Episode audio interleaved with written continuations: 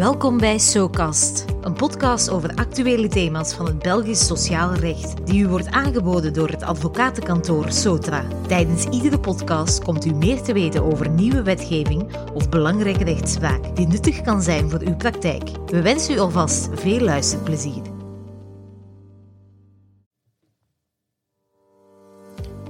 Hallo, mijn naam is Karel de Vloo en ik ben advocaat bij het advocatenkantoor Sotra. Ik heet jullie graag welkom voor een nieuwe aflevering van SOCAST, een podcast over arbeidsrecht.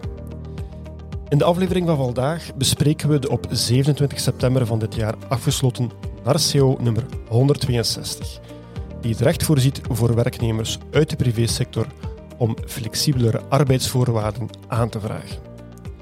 Deze CO is reeds van kracht sinds 1 oktober 2022 en daarom bespreek ik vandaag met Marian de Waarzegger, partner bij Sotra, wat de gevolgen zijn van deze CO voor de werkgevers.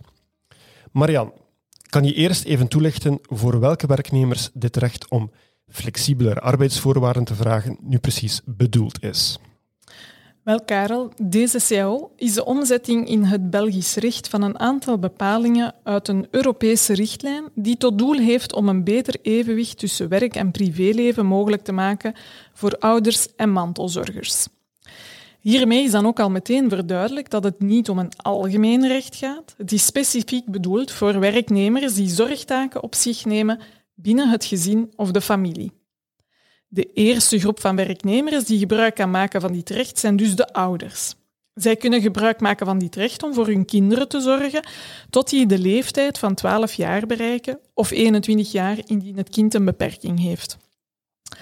De tweede groep van werknemers die geviseerd wordt, zijn de mantelzorgers. Meer bepaald de personen die persoonlijke zorg of steun verlenen aan een gezins- of familielid dat hieraan behoefte heeft om ernstige medische redenen. Zijn er nog andere voorwaarden waaraan de werknemers moeten voldoen? Ja, enkel werknemers die minstens zes maanden anciëniteit in de onderneming hebben, kunnen gebruik maken van het recht. Volgens de CO hebben de werknemers het recht om een aanpassing van het bestaande werkpatroon te vragen. Wat betekent dit in de praktijk? Eigenlijk kan de werknemer elk type van bijkomende flexibiliteit vragen. Het kan gaan om een uitgebreidere vorm van structureel telewerk, maar ook om een aanpassing van het uurrooster of een vermindering van de arbeidstijd.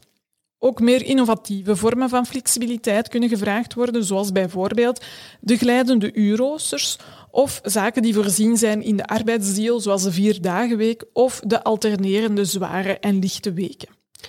Maar voor veel van dit soort regelingen dienen er toch een aantal zaken voorzien te zijn in het arbeidsreglement of in een CO die van toepassing is binnen de onderneming.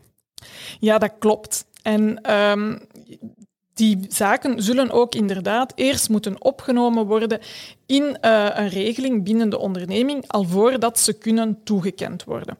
Maar het feit dat een bepaalde vorm van flexibiliteit niet voorzien is binnen de onderneming, verhindert wel niet dat de werknemer uh, de vraag kan stellen om zo'n regeling te krijgen. Dus concreet, stel dat een werknemer vraagt om de dagelijkse arbeidsduur te verminderen met twee uur, zodat die werknemer tijdig aan de school de kinderen kan gaan ophalen.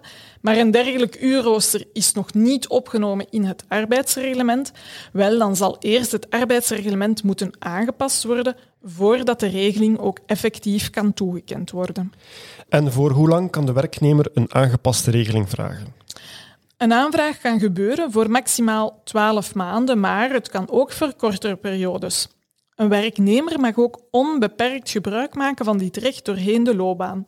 Het is dus perfect denkbaar dat een werknemer bijvoorbeeld elke zomervakantie een aanpassing van het werkpatroon vraagt om meer tijd te hebben om de kinderen op te vangen.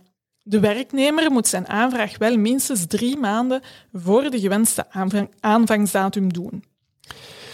Nu, wanneer een werknemer een aanvraag gedaan heeft, hoe moet de werkgever dan reageren? Er zijn in eerste instantie drie belangrijke formaliteiten die moeten gerespecteerd worden. Ten eerste, de werkgever gaat schriftelijk moeten reageren.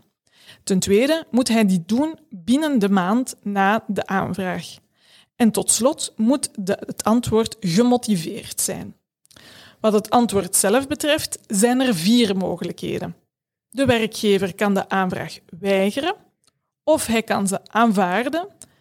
Hij kan de aanvraag tot flexibele regeling uitstellen, of tot slot kan hij ook een tegenvoorstel doen.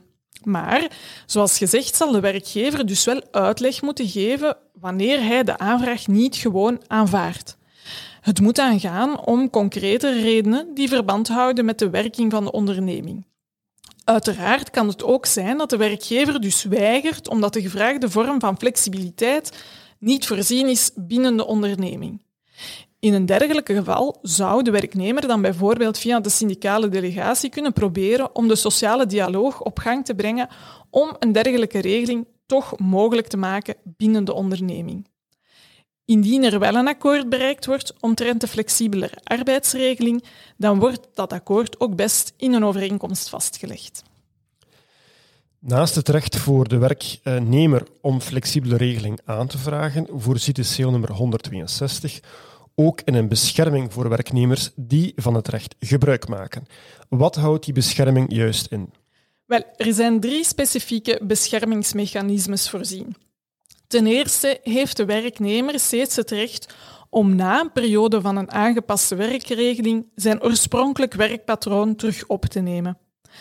Daarnaast mag een werknemer niet nadelig behandeld worden omwille van redenen die verband houden met zijn aanvraag.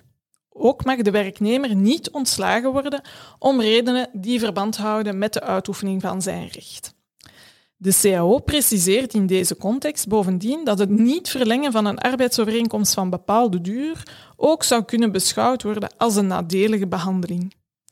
Wanneer een werknemer aannemelijk kan maken dat hij nadelig behandeld werd of omdat hij ontslagen werd omwille van de uitoefening van zijn recht, dan komt het dus aan de werkgever toe om te bewijzen dat er gerechtvaardigde motieven en redenen waren voor zijn beslissing, redenen die dus geen verband houden met de aanvraag van de werknemer om te kunnen genieten van een flexibeler arbeidspatroon.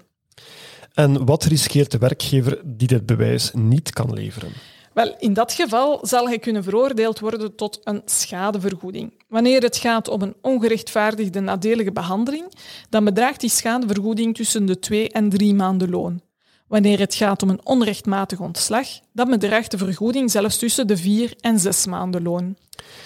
Tijdens welke periode geniet de werknemer van deze bescherming?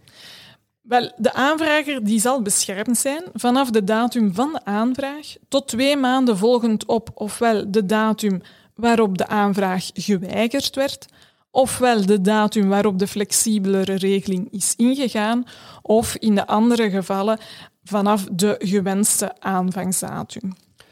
Tot slot, moeten werkgevers nu reeds iets concreet ondernemen? Nee, er is geen concrete onmiddellijke actie vereist die de werknemers moeten, uh, werkgevers moeten ondernemen. Maar wel is het zo dat werkgevers dus sinds 1 oktober met dergelijke aanvragen tot een flexibele arbeidsregeling kunnen geconfronteerd worden. In dat geval zullen ze het nodige moeten doen om tijdig, schriftelijk en gemotiveerd te antwoorden op de aanvragen. En bovendien zullen ze deze aanvragen ook goed moeten monitoren om zo de ontslagbeschermingen in kaart te brengen. Bedankt Marian voor deze toelichtingen. Dank voor het luisteren en tot snel voor een nieuwe aflevering van SoCast. SoCast wordt u aangeboden door Sotra, een advocatenkantoor gespecialiseerd in sociaal recht voor de private en publieke sector. Surf naar www.sotra.be voor meer informatie over onze diensten.